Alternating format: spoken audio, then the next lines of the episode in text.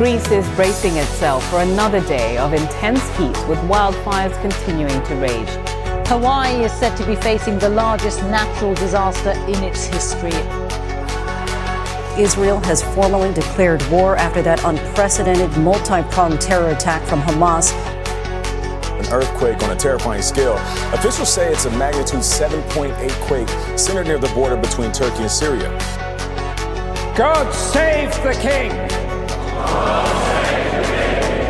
Manchester City emerge as UEFA Champions League winners 2023. Now, a submersible possibly carrying paying tourists has gone missing somewhere in the ocean.